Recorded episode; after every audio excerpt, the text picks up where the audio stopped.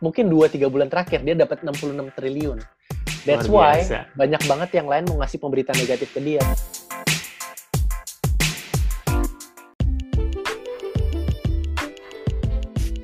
Hello and welcome back to Beach Lab. Dengan gua Billy Gua Chris, di Slap dulu. biar melek. Nah, kita lanjut nih Chris. Eh, dari pembicaraan kita UEFA sebelumnya kayaknya masih panjang kan? Masih panjang dan masih banyak poin-poin yang kita belum bahas. Yang kalau kita cut kayaknya sayang gitu loh. Jadi Hmm. karena kita pengen share semua ke kalian, maka sekarang kita lanjutin yang eh, dari yang tertunda kemarin ya. Oke. Oke, let's discuss.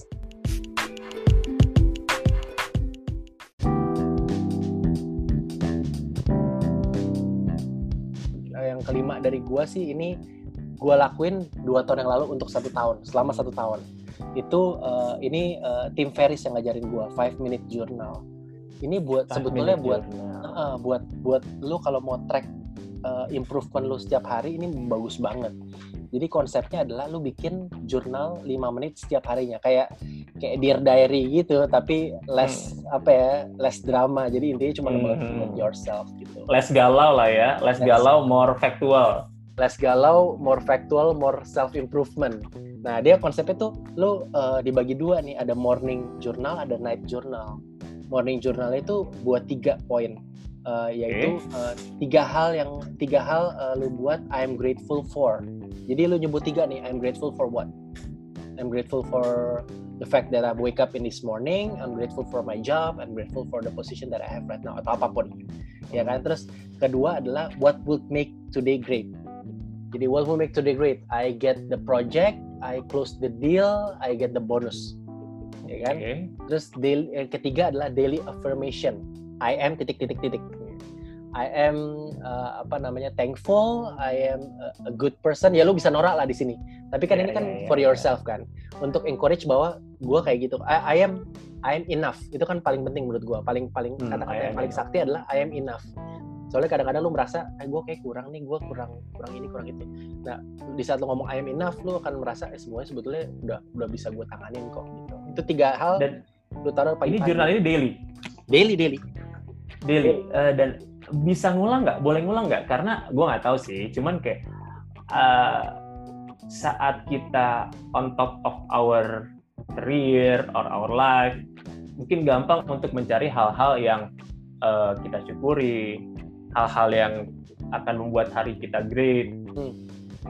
Terus kayak hal-hal yang bisa kita banggakan. Cuman kalau eh, sometimes kalau kita lagi di bawah banget, mungkin nggak banyak hal-hal yang bisa lu syukuri selain bahwa kayak hari ini gue masih bisa makan, Hmm, gitu. Atau hari ini gue masih bangun aja udah bagus gitu. Mungkin kayak ada orang yang nggak bisa nyari banyak hal yang bisa disyukuri sehari-hari. Jadi ini boleh ngulang nggak sebenarnya? Boleh, boleh. Gua gua dulu eh, banyak banget ngulang. Ada beberapa yang gue syukurin gue ulang-ulang terus. Cuman kadang-kadang justru kenapa eh, ini terus terang jurnal ini gue buat eh, satu tahun sebelum gue jadi partner. Jadi gue kayak Oke. lagi di karir gue lagi nge-push nge-pushnya eh, eh, buat eh, perform gitu bisa bisa diang bisa bisa dilihat eh, performance-nya dan bisa diangkat jadi partner kasarnya gitu kan. Jadi di saat gue ulangnya sering nih Kat, gue kadang-kadang merasa ke diri gue sendiri, eh sebetulnya gue kan harusnya ada hal lain yang bisa gue achieve, yang bisa gue grateful for. Jadi gue akan jadi mulai mulai lebih ngedorong diri sendiri, eh gue harus should achieve something dong. Kalau enggak gratefulnya sama-sama aja, kasarnya gitu. Ini kan ter- Hmm. terpacu nih, lu di saat nulis, soalnya lu nulis lo, lu nulis hal-hal yang itu-itu aja. Di situ lu merasa, kayak gue gak progres nih, kayak gue harus yang di lebihin nih, ngerti gak sih? Justru lu mendorong diri lu untuk mencari hal-hal lain yang bisa lu syukuri. Iya, iya, gitu. Misalnya gue selama ini di belakang layar, terus gue syukur bahwa selama ini gue di belakang layar, tapi gue nggak negosiasi. Terus gue akan merasa gue harus bisa negosiasi dong, menang negosiasi dong dengan dengan counterpart. I see. Terus di saat gue bisa menang negosiasi, gue bilang I'm grateful for uh, gue the, the fact that gue udah bisa negotiate dan menang negosiasi dengan uh, pihak lain tanpa perpanjang uh, projectnya misalnya kayak gitu. Jadi kan Mhm. ada hal-hal baru yang oh ternyata gue achieve something gitu. Jadi ini ini salah satu fungsinya juga itu gitu. Ini itu tiga hal pertama yang pagi-pagi. Nah Dan malam karena ini personal banget, ya. lu boleh yang yang benar-benar lu banget gitu, yang dari jargonnya, nggak lu nggak usah takut malu-maluin atau misalkan terlalu spesifik ke lu is oke okay, karena ini punya lu. Iya nggak apa-apa. bakal sebar juga emang buat diri lu sendiri konsumsi oh. pribadi kan. Jadi paling kayak... banter yang lihat kan bini gua walaupun gua nggak tahu dia ngeliat apa enggak ya. Tapi itu paling banter lihat dia nggak mungkin gua pamerin gitu kan gitu isinya senorak mungkin lah daily affirmation lo senorak mungkin I'm a great I'm a great entrepreneur gitu lu bilang gitu aja nggak apa-apa itu kan daily incantation ya biar lama-lama lu merasa karena disebut terus lu lama-lama merasa gitu kan ya, karena itu kan jurnal pribadi nggak ada juga tiba-tiba uh, tembok lu ngomong gitu, weh bohong tuh gitu. ya nggak juga sih, serem juga. Atau pas nulis ternyata bokap lu lihat nggak kali nggak kayak gitu. nah itu tuh. Gak enak juga. Yakin kamu gitu. Nah itu pagi tuh kayak. Nah malamnya itu uh, ada dua hal yang harus ditulis sebelum lu tidur. Nah ini nih yang sering gue kelupaan karena kalau gue udah capek gue tidur. Gue nulis gue nulis night ini biasanya di besok paginya lagi. Jadi uh, uh, uh, pertama adalah three amazing things that happen today. Jadi lu sebutin apa yang terjadi hari ini. Di situ lo kan oke okay, ternyata gue achieve ini nih hari ini. Gue udah dapet ini, gue udah dapet ini, gue dapet ini. Terus uh, yang terakhir nih paling penting nih yang buat lu akan grow every single day dengan this journal. How could I made uh, how could I have made today great? Jadi jadi gimana caranya gue bisa buat uh, apa uh, hari ini sebetulnya lebih lebih lebih oke okay gitu how could I make this uh, day better lah sebetulnya jadi lebih ke refleksi ya jadinya refleksi. evaluasi dan refleksi. Misalnya harusnya tadi gue nggak ngomong gini nih harusnya tadi mungkin gue lebih berani ngomong atau apa. Jadi gue nulis nih. Hmm. jadi sebelum gue tidur at least di otak gue oh mungkin next next time I should be better. Gitu. Itu sih tapi five minute journal ini for some reason uh, oh ya by the way untuk yang pengen tahu uh, bisa search uh, bukunya Tim Ferris atau search di YouTube uh, atau search di podcast ada juga Tim Ferris dia banyak cerita tentang five minute journal ini salah satu kekuatan dia di five minute journal gitu. coba kita rekap lagi tadi jadi untuk uh, daily routine lo ada berapa poin Bill uh, sekarang jadi enam pertama jadi enam tadi ngobrol oke okay, oke okay, jadi enam oke okay, oke okay.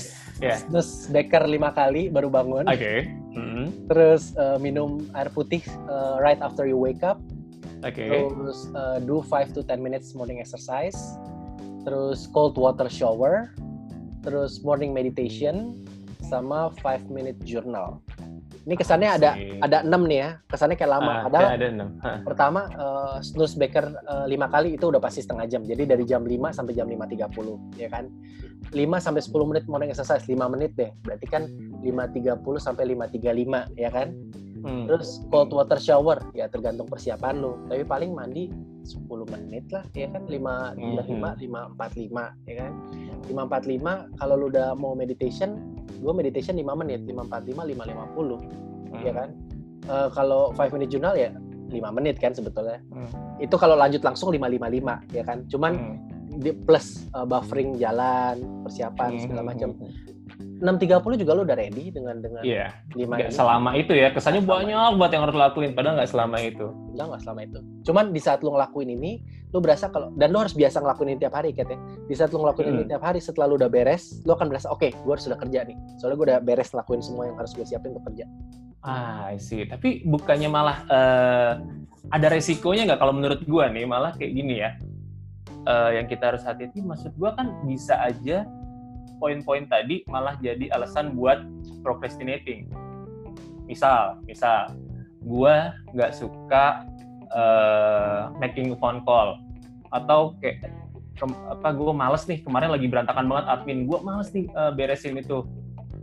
Ya udah gue lama-lamain aja tuh di meditation. Gue ambil panjang meditationnya gue ngejurnal lama-lama. Ya kan? diary ya bisa. Nah kayak uh, what I'm thankful for gitu. What bikin tiga buku gitu.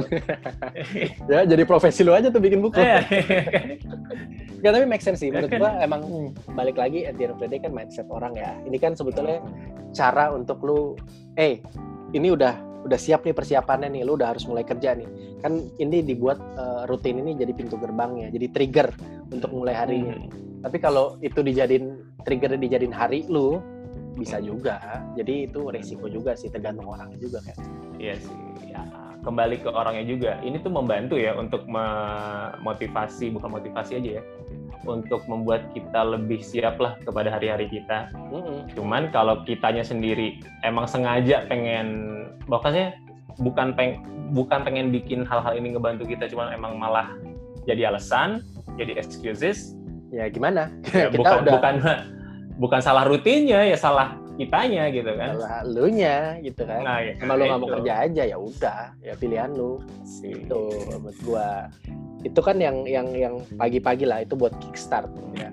Nah hmm, nomor dua yang kalau gua, udah masuk nih udah uh, masuk ke kerjanya uh, kita udah mulai butuh yang kalau tadi kita ngomongin itu adalah manusianya adalah makro kita udah butuh faktor-faktor mikronya nih yang udah benar-benar agak mendekati ke mikro nih.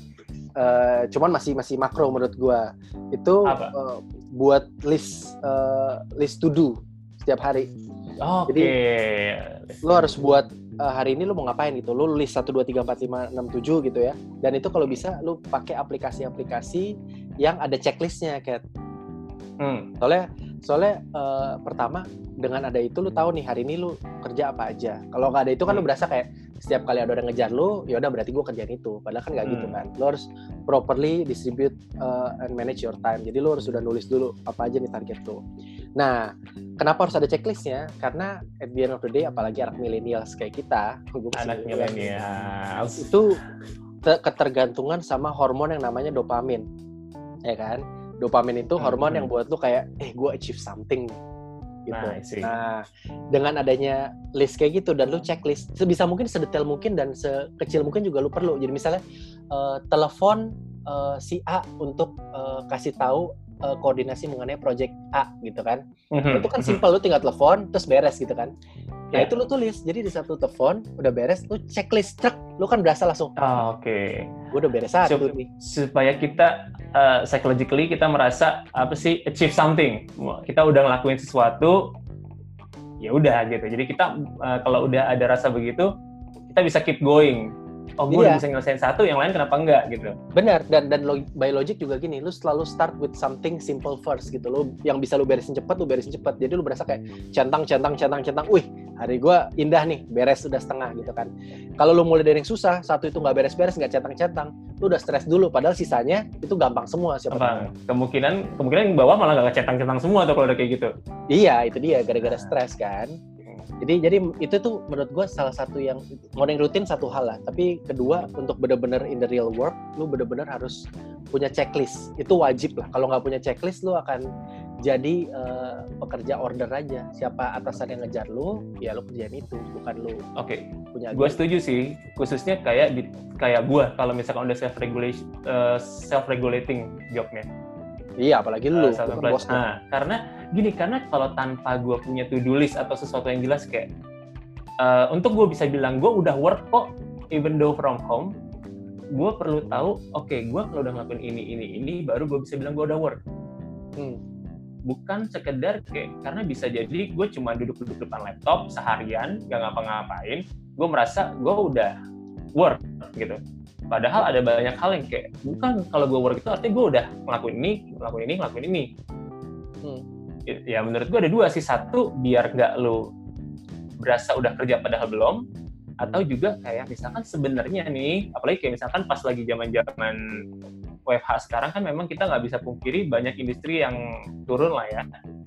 Banyak banget. Kemungkinan memang uh, kemungkinan memang workload lo juga turun.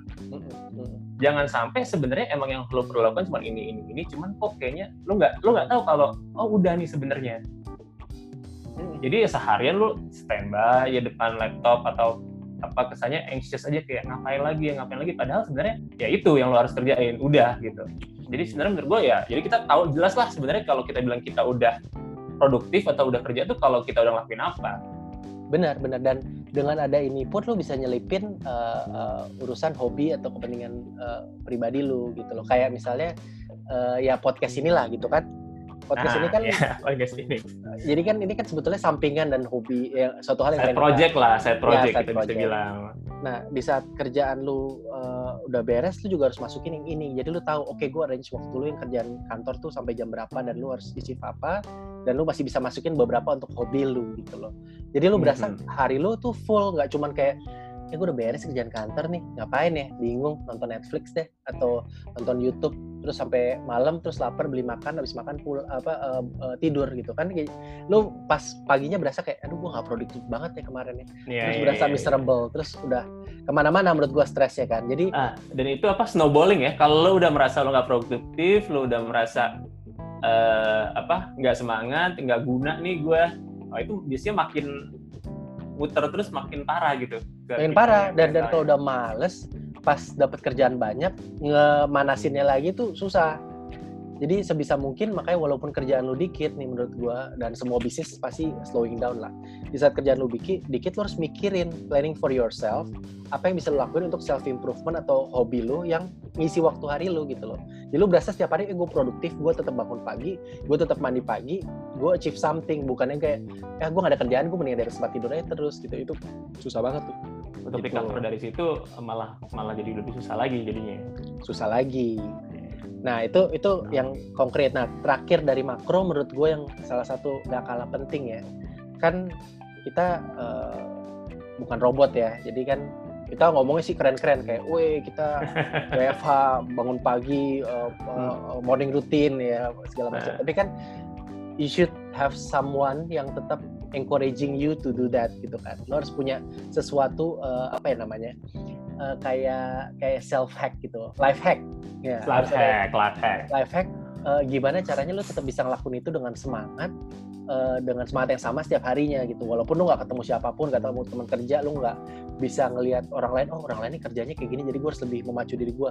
Ini nggak ada nih, bener-bener lu doang gitu kan. Nah itu kayaknya itu salah satu yang paling penting adalah lu harus uh, uh, butuh orang lain untuk memotivasi lu dan orang lain. Motivasi. bukan ya orang rumah sih bisa lah, kecuali lu punya orang rumah yang uh, motivator. Paling gampang adalah ya kan kalau lu serumah sama siapa? Uh, Maria Teguh, Maria Teguh. Maria Teguh. Ya udah nggak motivasi deh sekarang. Dia Ayo, udah motivasi. Iya. ya cuman kalau ada motivator lainnya lu serumah mungkin keren gitu. Cuman kalau nggak ada kan yang paling gampang adalah lu lihat YouTube kalau nggak podcast gitu kan. Ya. Uh, beberapa yang emang secara sound atau secara grafis itu menyemangati lu gitu. Kayak gue personally Gary V itu udah udah udah udah gue udah kalau ada cult nih gue cultnya Gary V yeah, banget cult Gary V ya karena setiap hari gue denger Gary V dengan suara dia yang tinggi gitu kan. Gue berasa dia orang nih semangatnya nggak habis habis gitu. Jadi setiap kali denger dia video motivasi dia atau at least video dia ngabisin hari dia 40 meeting setiap hari gue lang langsung terpacu kayak anjing gue harus semangat nih. Nih orang nih udah tua masih aja kayak gini bisnisnya.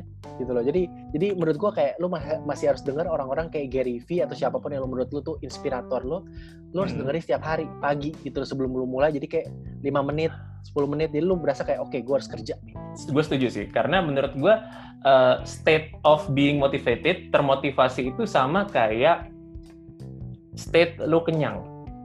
Hmm. lu nggak bisa makan sepenuh-penuhnya uh, satu kali buat waktu yang panjang atau selamanya lu kenyang terus kan? Benar. Tapi besoknya lu akan uh, lu akan lapar lagi, lagi, lu butuh makan lagi. Menurut gua motivasi juga seperti itu sih. Hari lu nggak bisa lu nggak bisa uh, mengkonsumsi pokoknya gua mau termotivasi uh, segila-gilanya hari ini. Menurut gua ada peaknya lah. Oke, okay, gue motivated untuk do things gitu kan. Hmm. Udah, tapi uh, suatu saat gue tetap akan butuh motivasi lagi buat melakukan hal tersebut gitu kayak nggak nggak nggak bukan berarti abis misalkan ya kita kan sama-sama fansnya Gary Vee nih ya hmm. hmm. kayak waktu itu kita pernah ikut dia keynote di di mana Kokas. waktu itu Kokas. Kokas. Nah, hmm. jadi sepulang dari situ uh, kita motivated banget. Gue yakin lo motivated banget. Yeah. Gue juga fired up. Uh, tapi gue yakin nggak bisa tuh berarti sekali abis itu selamanya. Gua, ah, gue sampai gue sampai 15 tahun ke depan gitu, hmm. gue masih tetap wow wow gitu. Gue merasa gue pasti tetap ada. Apalagi kan ya kerjaan kan ups and down nih. Kalau kalau misalkan habis lagi bad day gitu, menurut gue tetap butuh sih kita untuk asupan motivasi lagi. Iya, iya. Jadi ini kayak agak klise sih, cuman benar-benar berguna banget sih setiap hari itu at least nonton uh, sekali uh, uh, beberapa motivator yang lu suka lah kalau buat gue Gary V sama uh, di YouTube juga ada namanya Matt Matt Davella Matt Davella itu Matt Davella. dia bukan kayak Gary V yang berapi-api gitu. Cuman dia orang yang uh, uh, suka bikin video mengenai menyo mencoba suatu rutin tertentu. Misalnya meditate gitu kan. Uh, this is how I meditate for 30 days. Jadi dia mencoba meditate setiap hari gitu. Dan cara dia apa uh, uh, memulai harinya, cara dia nyiapin harinya untuk untuk bereksperimen menurut gue itu cukup memotivasi karena apa ya? Dia dan dia suka kopi. Jadi menurut gue gue punya agak lucu gue selalu seger kalau nonton video orang bikin kopi bener loh. Uh, itu tapi orang... pada saat ini lu sendiri nggak banyak ngopi. Gue nggak ngopi. Ya, gue lagi nggak ngopi. Ada satu dan lain hal. Cuman gue ngeliat orang bikin video kayak itu tuh biji kopi dikeluarin terus gitu kan, di di grind, abis gitu dia bikin kopi V60 sendiri. Gue kayak itu langsung refreshing banget untuk oke. Okay. Seger ya. Although although gue nggak minum gitu lah, tapi gue. Iya iya. Kalau ngeliat orang bikin kopi aja udah seger. Seger seger dan Matt Devil ini videonya bagus banget untuk bikin lu seger percaya atau enggak. Dan dia hmm. orangnya simplistik jadi lu akan lihat kayak menarik banget lah. Dia dia inspiring you in another uh, kind of way. Nggak nggak kayak Gary V cuman dia inspiring you dan dan dan, dan apa fire up lu dengan dengan cara yang berbeda. Ah sih ya nggak apa-apa juga. Bagus kan? Karena kayak setahu gue Gary V is not everyone's cup of tea kan ada yang nggak suka the fact that he's swearing atau bahwa intensitasnya terlalu tinggi nggak semua orang yang masuk yang kayak gitu gayanya hmm. tapi siapa pun intinya kalau orang itu bisa menginspire lo bisa buat motivasi lo untuk lebih uh, bagus lagi lebih produktif ya silahkan cari aja yang style lo tuh yang mana yang penting intinya asupannya harus rutin gitu kan nah lu sendiri ada apa lo Kat? Kalau gue sendiri sih uh, uh, dari yang lo uh, dari yang tadi lo sebutin kan ada emang yang gue lakuin juga kayak meditasi. Kalau minum sih itu gue nggak usah di prom lah itu udah pasti. Tapi gue pribadi uh, dengan uh, jadwal gue yang lebih uh, fleksibel, bahasa kerennya fleksibel, bahasa sehari-harinya berantakan. ya, itu kalau gue ada uh, untuk untuk dari gue pribadi ada apa ya gue bilang triknya lah dari gue untuk gue bisa tetap produktif. Yang satu hmm, nah itu karena gue gak ada jatuhnya ini gak ada kayak atasan langsung bos gitu. My boss is my clients gitu. Yang yang bakal ngeprom gue gini dong gitu dong lo nggak usah lakuin ini udah belum gitu. Jadi gue uh, ada yang namanya if then planning ini sering dibahas di Psychology Today, bahkan di Harvard Business Review. Jadi hmm. kayak kita nyari prompt sendiri untuk satu uh, kegiatan. Bila ini terjadi, maka gue akan ngapain? Misalnya gimana? Ini tuh? pertama, uh, per, uh, uh, gue cerita awalnya dulu ya. Biasanya ini banyak dipakai buat orang uh, untuk diet, untuk uh, workout gitu biasanya kalau uh, gua makan kue gitu, gua harus kardio selama berapa menit gitu. Hmm. Nah, itu kan biasanya kalau buat yang kayak uh, weight loss, tapi menurut gua gua bisa pakai untuk kayak from as simple as kalau udah jam segini, gua harus mulai berapa phone call gitu. hmm. gitu. Atau kalau uh, gua dapat as simple as kalau gua dapat email, gua harus reply ini within 15 minutes. Hmm biar gue nggak procrastinate gitu jadi kayak if dan jadi ada prompt jadi uh, eh, gue menggunakan hal-hal yang bakal terjadi regularly yang sehubungan dengan kerjaan gue sebagai prompt gue untuk melakukan hal lain oh ini jadi lu buat kayak self automation buat lu sendiri self automation ya? buat gue sendiri jadi yang paling uh, ya itu kayak tadi kan uh, kalau ada email gue harus balas dalam berapa menit gitu. Lu tau gak sih ada aplikasi aplikasi itu buat handphone? Apa? IFTTT. Ada loh. If, ah, I know, if this, I know. If this then that gitu loh. Jadi dia if this then that, dan, betul. Oh, jadi sama kayak gitu konsepnya. Kurang lebih kayak gitu konsepnya. Jadi uh, ya kan ini if then, if then planning. Jadi you you make your own automation, you make your own rule lah Hmm. Jadi karena nggak ada yang ngeprom gue, nggak ada yang nyuruh ini harus beres ini ya, ini harus beres ya itu jadi kayak ya gue buat sendiri gitu loh. Hmm. Yang kedua yang gue sering lakukan adalah pairing karena kan gue orangnya suka uh, gini ya karena pasti ada deh kayak hal-hal pairing itu adalah gue nge-pair hal yang gue suka untuk lakuin sama yang gue nggak suka untuk lakuin. Jadi jadi kayak sehingga dua-duanya ke lakuin. Ini gue belajar dari Gretchen Rubin.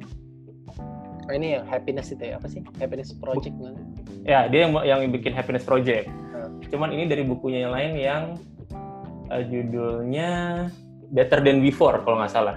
Oh. Nah jadi uh, jadi pairing itu as simple as ini bukan kayak rewarding ini as simple as kayak lo kalau lo hanya akan melakukan itu kalau lo sambil ngelakuin ini. Nah kayak tadi lo bilang kopi, gue suka banget nih ngopi. Jadi jadi ngopi itu bakal jadi uh, rutin gue automatically. Hmm. Yang gak, yang gue nggak suka adalah ngebukain email pagi-pagi yang dari email yang kemarin udah malam yang numpuk yang kadang-kadang ada yang penting ada yang enggak ada yang spam. ada yang spam ada yang reminder untuk hal yang udah dari lama yang emang udah ribet gitu kan. Itu yang paling males tuh pasti tuh kayak kok nggak beres-beres? gitu. Jadi gue hanya akan misalkan gini gue akan melakukan minum kopi pagi itu sambil gue buka email. Harus. Jadi kayak uh, my morning coffee is my morning email hmm. uh, time-nya sama. Hmm. So karena gue pengen ngopi, gue akan buka dulu uh, laptop gue atau kalau nggak bawa laptop ya gue akan buka uh, email di HP gue sambil ngopi. Hmm. Jadi kayak memaksa. Ada macam-macam sih. Jadi kayak atau yang biasa dipakai juga biasa untuk biasanya untuk maksa kita untuk workout. Hmm. Lu suka Netflix series nih, lu suka Netflix series sesuatu, lu hanya akan nonton series itu sambil kardio dan oh, sambil iya. workout. Dulu gue juga suka gitu tuh. Nah. Karena kalau dengan musik kan kadang-kadang lama-lama bosen juga ya. Kalau hmm. menonton kan nggak berasa loh. Nah, nggak berasa. Jadi kayak uh, kan si si series ini kan pinter ya, mau buat lo penasaran kan. Lo pengen lagi. Hmm. Cuman jadi karena lo pengen lagi, lo karena lo pairing itu dengan workout, mau nggak mau saat lo mau nonton lagi lo juga workout. Hmm. Padahal kalau lo workout sendiri lo males. Yeah, Tapi yeah, karena yeah. lu pengen nonton dan karena lu pengen nonton uh, dengan kalau lu mau nonton lu harus workout, jadi lu ikut barengan. Gitu. Hmm. Make sense, make sense. Gue justru yang gini nih nggak pernah gue jalanin nih karena emang selama ini kan gue kalau udah kerja ya udah udah dengan apa timetable-nya gue dan timetable klien gue khususnya. Hmm. Jadi gue nggak nah. pernah kepikiran. Ini ini mungkin sih emang dilakuin, cuman emang nggak pernah kepikiran. Menurut gue itu ngefek buat kayak gue yang merupakan procrastinator profesional eh, tentunya kita semua ya. procrastinator. Eh, procrastinator. Oke. Okay. Ya itu sih kalau dari gue itu paling. Itu ya berarti uh, makronya ya. Makronya.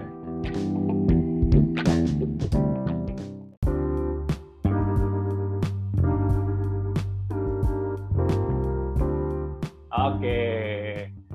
Berarti tadi kan kita udah bahas yang makronya nih yang dari sisi manusianya. Yes. Selanjutnya kita bahas ke mikronya kali ya, tools-tools pendukungnya. Ya, yang harus kita pakai untuk untuk bisa WiFi ini kan. Hmm. Kalau dari lu sendiri gimana? Kalau gue sendiri kan emang pada dasarnya gue nggak terlalu beda jauh ya.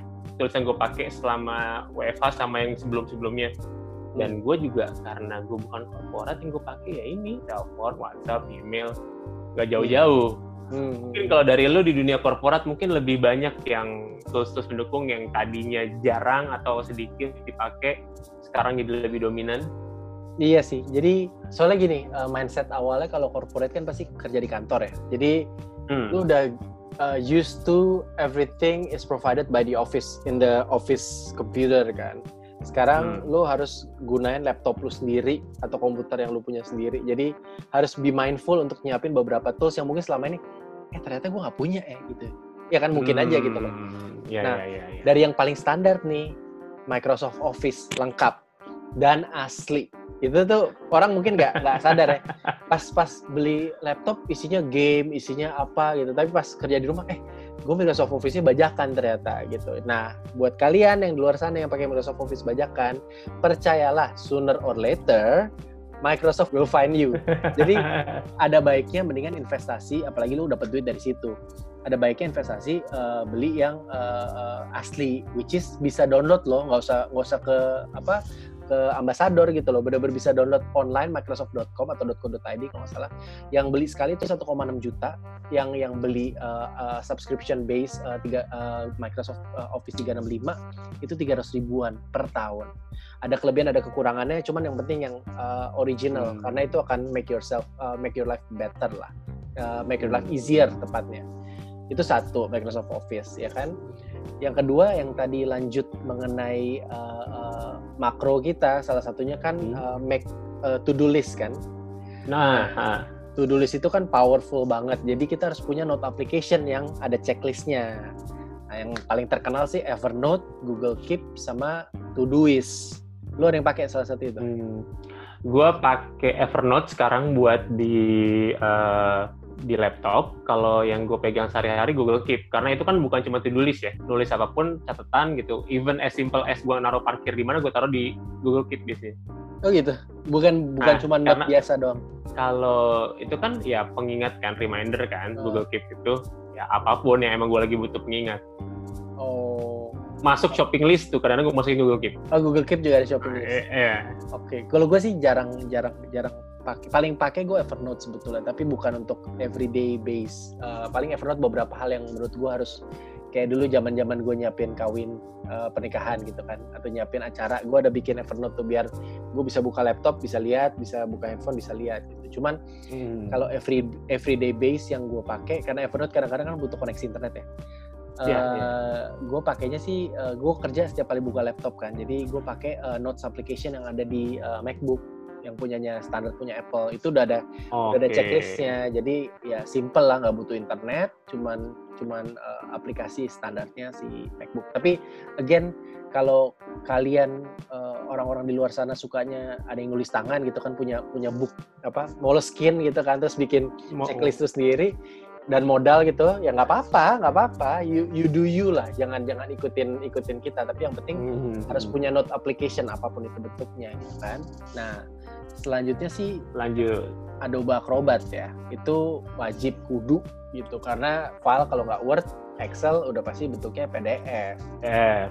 Dan dan Adobe Acrobat ini bisa lu coret-coret nih. Nggak kalau nggak punya nggak punya kayak gue pakai uh, Note kan uh, Samsung Note. Tapi kalau bukan Note Adobe Acrobat juga bisa nyoret-nyoret. Jadi kasih annotation segala macam. Termasuk masukin uh, signature. Itu lumayan useful loh kalau misalnya kita lagi WiFi gini untuk bisa masukin signature. Signature. Ya ya ya karena kan nggak mungkin lo ya kalau gue dari PDF gue terpakai. Cuma untuk signature gue nggak pakai si Adobe. Gue pakai DocuSign oh iya iya iya mungkin ya. lo tahu Iya ya startup banyak pakai DocuSign sih Hmm. Itu susah gak sih ya. untuk untuk untuk apply-nya? Maksudnya lu langganan atau gimana DocuSign itu?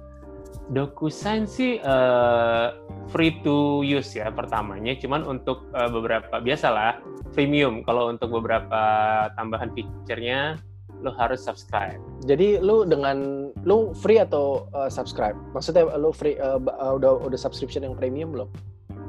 Gua sih uh, sampai sekarang masih pakai yang free cukup. Oh free cukup. Masih free cukup apa sih batasannya maksudnya untuk free nah, gua, itu lo bisa tanda tangan berapa dokumen atau apa sih? Gue nggak tahu sih, kayaknya ada multiple sign deh. Hmm. Salah satunya yang gue ingat adalah kalau misalkan lo uh, dengan yang premium, lo bisa multiple sign. Satu dokumen multiple sign maksudnya? Bukan, jadi kayak misalkan uh, kayak account bareng nih, jadi kayak lo sign yang sama hmm.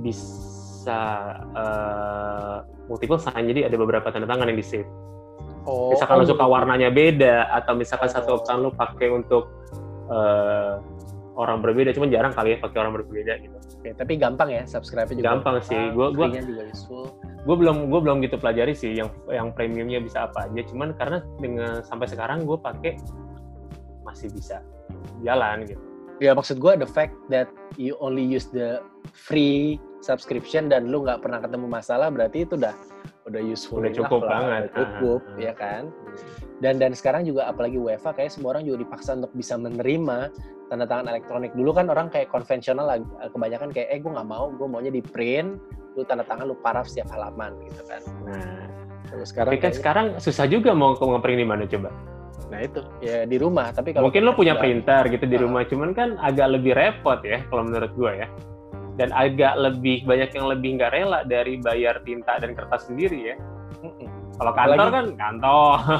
apalagi lu kirim dokumen biasanya kan lu kalau terima makanan sekarang kan uh, uh, sistemnya adalah lu terima uh, dokumen atau bukan dokumen deh barang dari luar biasanya lu semprot-semprot disinfektan nih Iya kan? Nah, ya ya. buat ya. buat make sure bahwa dokumen dari luar ini tuh nggak ada nggak ada virusnya ya kan kalau dokumen gimana lu semprot-semprot basah dong Iya kan Ya bener juga, bener juga. susah juga Jadi gitu loh. sekarang lebih lebih nggak prefer untuk dokumen kertas fisik gitu kan? iya makanya pengen di dokumen digital. Jadi kayaknya ya DocuSign ini gue akan coba juga sih. Kayaknya banyak juga yang pakai DocuSign. Tapi so far gue pakai Adobe Acrobat sih. Klien gue nggak nggak ribet. Maksudnya masih nerima gue tanda tangan pakai Adobe Acrobat. Terus eh, selanjutnya Google Drive lah. Google Drive itu penting karena setiap kali lo kirim dokumen apalagi banyak kan maksimal kalau pakai Gmail itu 25 mega. Jadi lu nggak Ah, mau iya, benar, lu nge-spam kan lu ngirim dokumen berbanyak banget lu 100 mega ada ada ada 50 dokumen lu kirim ada 10 email kan males banget nge-spam. Jadi pakai Google Drive itu udah sangat helpful. Lu cuma kasih link, siapa pun lu uh, share dokumennya ya tinggal buka link itu dan Google Drive kan cuman ngebuka uh, link yang lu kasih apa uh, folder yang lu share kan. Folder lain yang lu Hmm. punya nggak kebuka sama mereka sama yang Jadi dari privacy tetap kejaga ya. Nggak nggak nggak bukan berarti semua hal dalam Google Drive lu bisa kebuka sama orang. Ha- ya, ya harus secara secara konsep kayak gitu. Tapi kalau ngomongin soal privacy in internet itu kita another topik lagi tuh. Kita ya kita nggak tahu ya ya ya itu beda lagi. Itu Nggak bisa dibahas di sini. Nggak bisa dibahas di sini. Cuman ya gitu lah. Maksudnya kita mau pakai teknologi kita udah tahu risknya lah untuk untuk untuk kita pakai itu kan. Nah selanjutnya sih kalau dari gua eh, email application sih kalau gue ya. Soalnya eh, ya normal kayak eh, Standar tapi harus disebut ya. Standar tapi harus disebut. harus sebut, harus kan- sebut. Nah, karena karena kan kalau kita kalau dari company kan atau atau atau law firm kan ada email uh, servernya sendiri jadi nggak bisa pakai Gmail gitu loh kita harus punya email application Outlook bisa Thunderbird bisa juga email application standarnya si si si Apple dan ya harus dimasukin tuh uh, server kita karena kan hmm. eh, kita harus catch up dengan semua email eh, kita harus bisa biasanya POP3 kalau nggak salah jadi setiap kali email masuk itu langsung ke save di komputer lu Hmm. itu itu harus harus harus harus ada kalau nggak lu nggak bisa catch up karena duit tuh dapetnya dari email sekarang lu kontek-kontekan Ya, kan ya, video ya. conference sama sama email kalau email lu nggak up ya nggak akan nggak akan dapat kerjaan apalagi kerjaan kayak gua kan makin penting sekarang kan makin drivernya di email gitu sekarang semua. Iya, driver di email. Dan buat yang pakai Gmail, nih gue juga kasih tau ke lu nih. eh, eh, banyak temen gue yang kalau Gmail kan maksimal kalau nggak salah kapasitas 2 giga atau berapa gue lupa deh. Nah kalau udah maksimal dia kan akan ngomong kan eh, mau ningkatin nggak jadi 100 Gmail for business ya. Iya, Oh, bukan? ja- bukan bukan ada kapasitasnya tapi lu otomatis dapat dapat eh, G Suite G Suite kan itunya. Hmm, hmm, Nah. this is- Itu kalau nggak salah dari 2 giga lu naikin jadi 10 giga deh atau 100 giga gue lupa. 10 giga kalau nggak salah. Nah, kapasitas 10 giga itu lu harus bayar kalau nggak salah itu eh, 2 dolar gitu kalau nggak salah. 2 dolar. Lu harus bayar 2 dolar per bulan untuk ningkatin kapasitas email lu ke Gmail dari 2 giga ke 10 giga. Yang Hmm. dilakuin temen gue biasanya setiap kali udah sampai 2 giga, dia bikin email baru dengan nama beda, Gmail. Maksud gue, ya susah juga lalu setiap kali itu kan Hmm. kayak gitu kok medit-medit banget cuma 2 dolar gitu loh ya. itu ya dolar sekarang pun dengan kondisi eh, berapa 15.800 ya ya 16.000 lah 16.000 pun itu 32.000 per bulan. Udah lah nggak usah Hmm. pelit-pelit banget dapat 10 giga. Ya kalau apa ya kalau apalagi kalau itu lu pakai buat eh, kerjaan ya profesional. Karena menurut gua kalau lu pakai personal harusnya sih yang dikasih sama Google udah lebih dari cukup ya. Nggak mungkin lu butuh lebih kecuali kalau lu pakai buat kerjaan. Nah kalau Iya. dipakai buat kerjaan buat nyari duit kok dua dolar aja itu dia. Lah itu dia. Gua gua udah full dua kali Kat. jadi gua udah 10 giga sekarang 100 giga gua. 100 gitu kalau nggak salah 10 dolar. Ya mau nggak mau gua harus Hmm. bayar bayar segitu buat buat buat eh, Gmail sendiri gua lah. Gua ada urusan eh, dengan dengan Gmail juga gitu untuk record. Nah terus ini yang paling penting nih. Eh ada dua yang paling penting. Yang satu adalah menurut gue ini life hack yang mungkin eh, nggak tahu banyak orang yang tahu apa enggak ya. Kan kalau lu kerja tim lu kadang-kadang harus ngerjain satu dokumen yang sama tapi orangnya banyak gitu kan yang Ah, ribet iya, dari iya, ngelakuin iya. itu yang ribet dari ngelakuin itu adalah orang yang kerjanya ngompile itu ribet banget tuh harus pindah-pindahin, harus formatting, harus lihat lagi segala macam ya kan. Nah, itu lu bisa cut the process dengan cara lu pakai Google Docs. Hmm. Docs itu lu tinggal buka hmm. websitenya aja, Google Docs, terus lu import filenya dari Word, dari Excel dia bisa, diimport filenya ke Google Docs itu free ya, itu bisa hmm. bayar, cuman free-nya juga masih bisa berguna. Free. Kalau gue nggak salah si Google tuh punya counterpartnya kalau dari kita tuh ada yang kayak Word, ada yang kayak Excel, ada yang Bener. kayak PowerPoint. Bener, tapi PowerPoint gue nggak pernah pakai. Yang Excel gua sama Word gue pernah, gue pernah pakai dan ah. gue bisa bisa kasih kesaksian, oh iya, saya kesaksian. Gue bisa kesaksian bahwa itu berguna banget. Jadi di saat lu import ke sana, uh, lu bisa ngerjain satu dokumen yang sama, 5 tim member, 10 tim member secara bersamaan. Jadi di saat mereka bilang, eh gue selesai, lu nggak usah ngompal, lu ambil file itu, lu bisa langsung kerjain di Word lu. Itu udah ah, compile version. Tapi itu berlima atau bersepuluh itu pasti harus lu bagi-bagi uh, sectionnya kan, maksudnya bagiannya kan? Iya, kalau enggak kan misalkan sama-sama satu halaman gue ngerjain, lu ngerjain nih. Lu nah. ngetik gue ngapus, lu ngetik iya, iya, iya, selesai, nggak selesai cuman cuman emang iya bisa kayak gitu. Bisa bisa lu ngetik gua ngapus atau sebaliknya. Hmm. makanya harus dibuat uh, uh, apa uh, space-nya masing-masing. Hmm. gitu. Cuman ini ini hack juga nih yang yang mungkin nggak banyak orang tahu. Gue pun baru tahu setelah menuju WFA ini gitu. Lama banget sih gue baru tahu dan itu yang free-nya pun bisa ngebantu banget. Dan kalau lo nggak pelit tuh bisa bayar lah. Itu nggak gitu mahal kalau Google gue lupa berapa.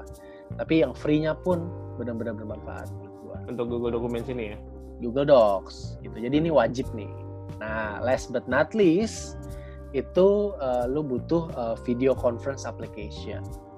Kenapa? Itu kita sebut pertama ya? Harusnya pertama cuman nah kan itu bahkan kita bikin podcast ini pakai application itu. Pakai application itu.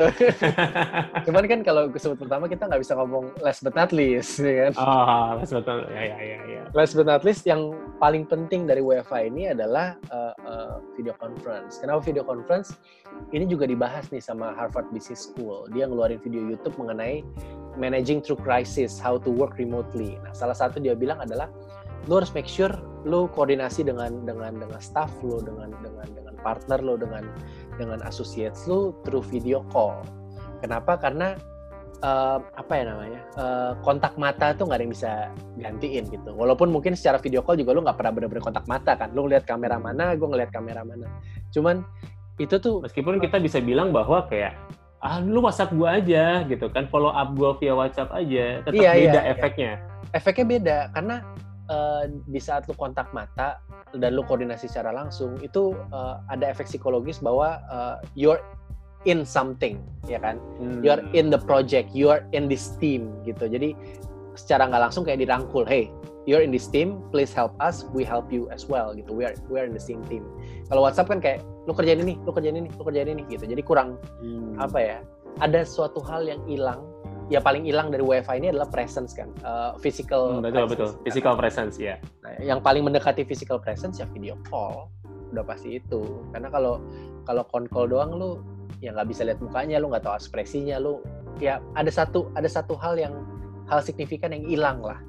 Jadi mm-hmm. jadi lu wajib banget uh, WiFi ini uh, video conference mau nggak mau karena itu uh, terbukti so far lebih efektif dan Zoom itu salah satu yang sangat uh, menuai berkahnya. Walaupun sekarang lagi lagi dipermasalahkan security isunya ya. Cuman dia lagi menuai berkahnya banget dia karena dia dapat gue dengar almost 66 triliun rupiah uh, keuntungan dari orang-orang uh, semenjak semenjak WFH. atau semenjak WFH? Semenjak WFH. Jadi kayak mungkin 2-3 bulan terakhir dia dapat 66 triliun That's why banyak banget yang lain mau ngasih pemberitaan negatif ke dia karena dia doang yang dapat keuntungan gitu.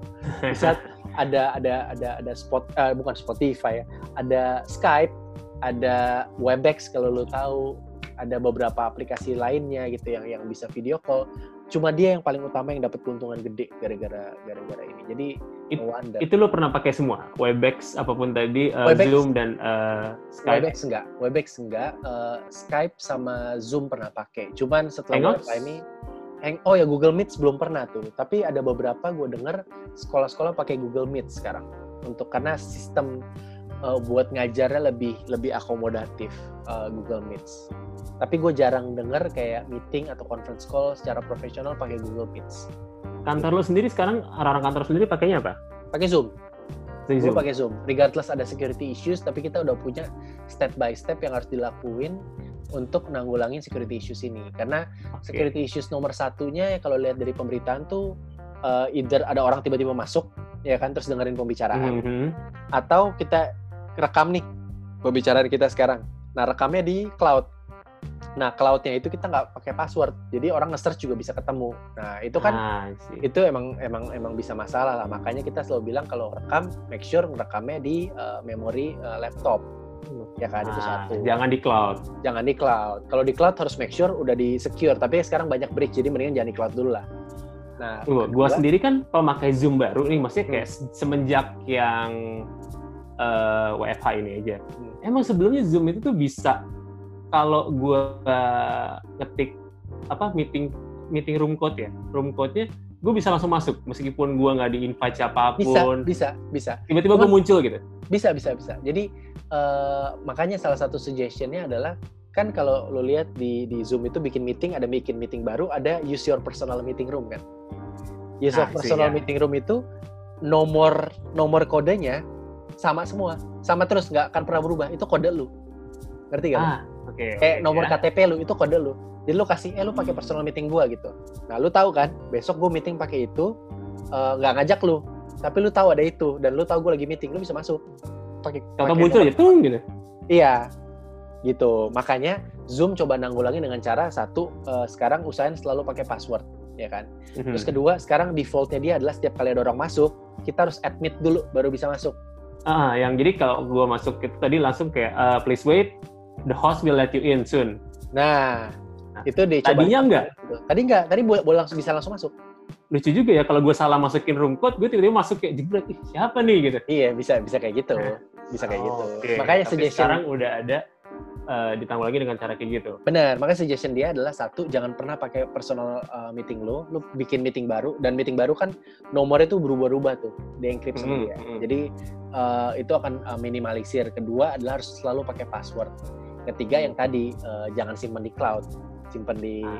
jadi agak lucu nih gue gue dapat uh, apa uh, uh, apa step by step untuk untuk secure your zoom meeting dari zoom dan salah hmm. satunya dia bilang jangan pakai ini jangan pakai ini jangan pakai ini padahal itu fitur yang mereka kasih kan jadi agak lucu oh, nih oh ya ya ya ya ya ya ya tapi yeah. emang cloud ya gue nggak tahu sih sampai saat ini sih cloud itu kalau emang ada orang yang niat buat nge-bridge biasanya di mana kemauan ada jalan sih. Lu ingat The Fappening?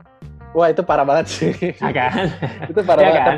Itu, itu cloud kan semua. Kan? Ah, itu, itu cloud semua. semua. Pengguna Apple kan? Yang semua selebriti selebriti kan. Ah pengguna Apple semua ya itu itu nightmare banget sih buat selebriti. Buat kita sih ya berkah aja sih. Ah, berkah. Berkah aja sih. Buat selebriti itu nightmare. Gue tetap merasa uh, uh, cloud the cloud is the future.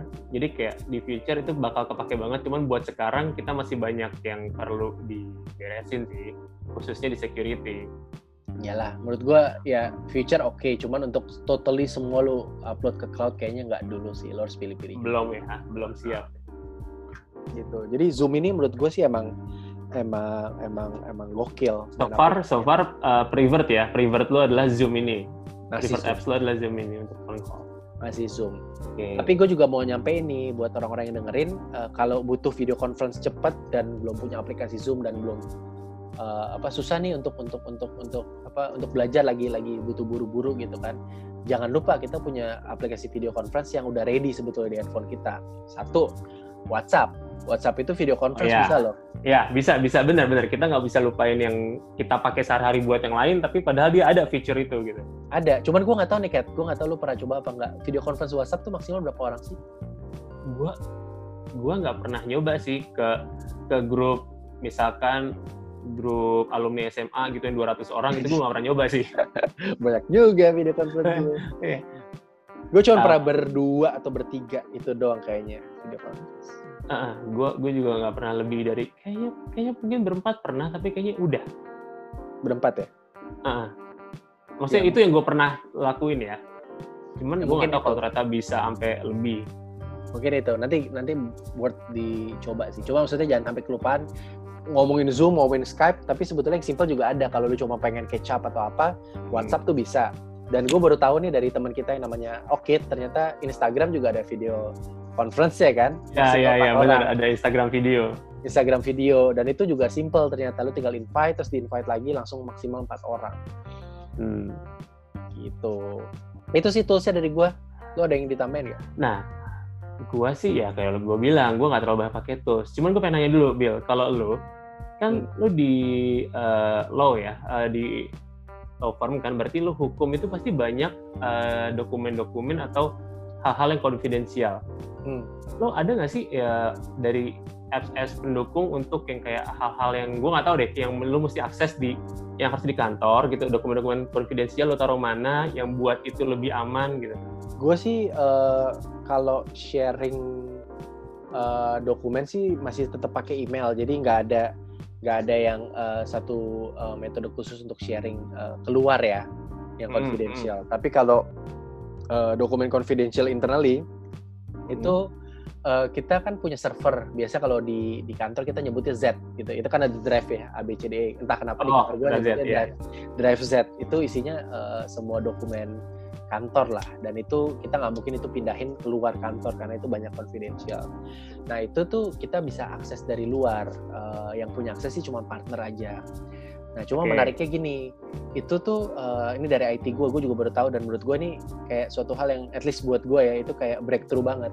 Ada uh, double security di situ. Jadi kita kalau mau masuk akses server kita, kita harus masukin username, masukin password partner. Kalau kita mau ngasih akses ke uh, pihak uh, ke, ke staff atau ke associate, kita bisa ngakses kasih uh, password kita gitu kan. Cuma masalah dengan itu adalah uh, kita berarti ngebuka uh, password dan username kita ke dia dan uh, siapa pun asosiat itu dan kalau asosiat atau staff kita pengen bocorin bisa. Jadi, ya, jadi kayak menghilangkan. Kayak menghilangkan itu efeknya bahwa oh ini cuma partner yang punya akses. Iya, Terus bisa kasih ke dia. Akses. Jadi semua orang dong. Semua iya, dia bisa kasih akses dan siapa pun itu nggak bertanggung jawab dia bisa bisa ngasih password gua dan username gua ke pihak ketiga gitu kan. Nah itu makanya tadi gue tanya, lo ada kan, cara ngakalinya nggak? Ada, ada, gitu? ada. Itu kan masalah. Cuma ternyata ada double security dibuat. Nah, security kedua adalah di saat lo masukin username password ada namanya authentic authenticator. Nah, authenticator. Authenticator itu harus ada kayak nom apa ya kalau bahasa gampangnya kayak uh, OT OTP OTP lo tau OTP OTP kan? one time password. Tau, tau, tau. Nah itu mirip kayak gitu. Jadi lo tinggal download uh, Authenticator itu aplikasi bisa Google Authenticator bisa apa pun Authenticator. Nah yang lo lakuin adalah uh, pertama kali lo login ke satu website itu yang punya Authenticator lo harus uh, uh, scan barcode yang ada di website itu. Nah habis scan barcode di website itu Authenticator lo akan ngasih 6 digit uh, password tambahan untuk layer kedua. Nah, lucunya adalah hmm. 6 digit password tambahan itu akan berubah setiap uh, satu menit. Jadi misalnya lu kasih ke associate lu, eh nih password sama username gue. Nah, kode authenticator gue sekian, 1, 2, 3, 4, 5, 6 gitu ya. Hmm. Nah itu berlaku cuma satu menit. Setelah dia ngakses satu menit, kodenya berubah lagi, dia harus nanya gue lagi.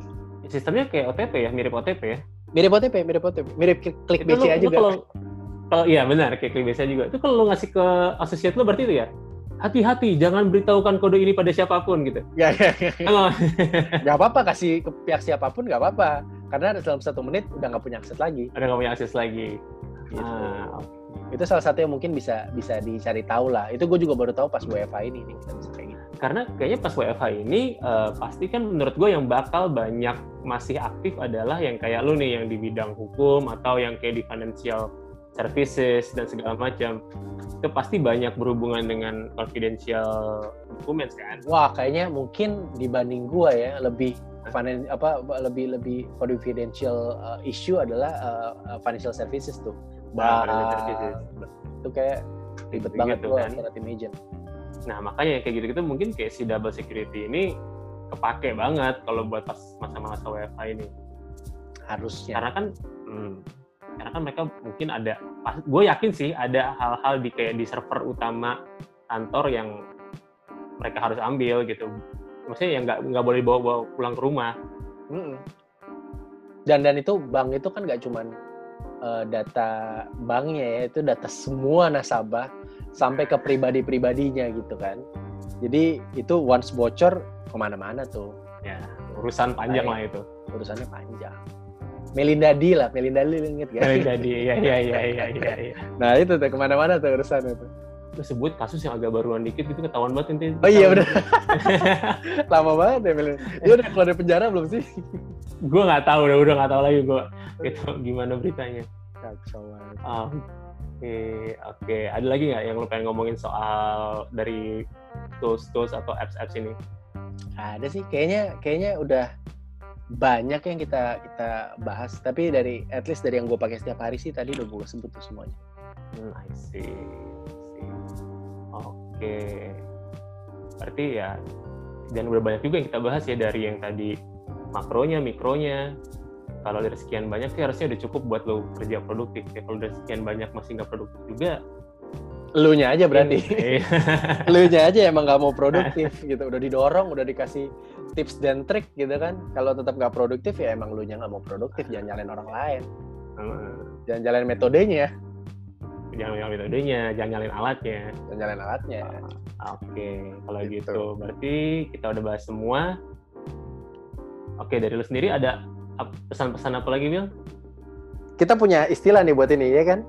Kita punya istilah apa nih? Final slap kan. Final slap, benar. Oh iya, final slap. Do you have Final any final slap for this episode, Bill? Nah, karena kita kan di slap dulu baru melek, jadi kata akhir kita dengan setiap guest kita, ini karena kita masih berdua sekarang, jadi di antara kita berdua, kita akhirnya dengan final slap. Ya. Nah, final slap kalau dari sisi gua, ini gini sih, eh, khususnya buat millennials ya, which is eh, ter- termasuk gua gitu kan. Eh, sebetulnya ini periode WFH ini itu should be the time for us to prove ourselves gitu loh.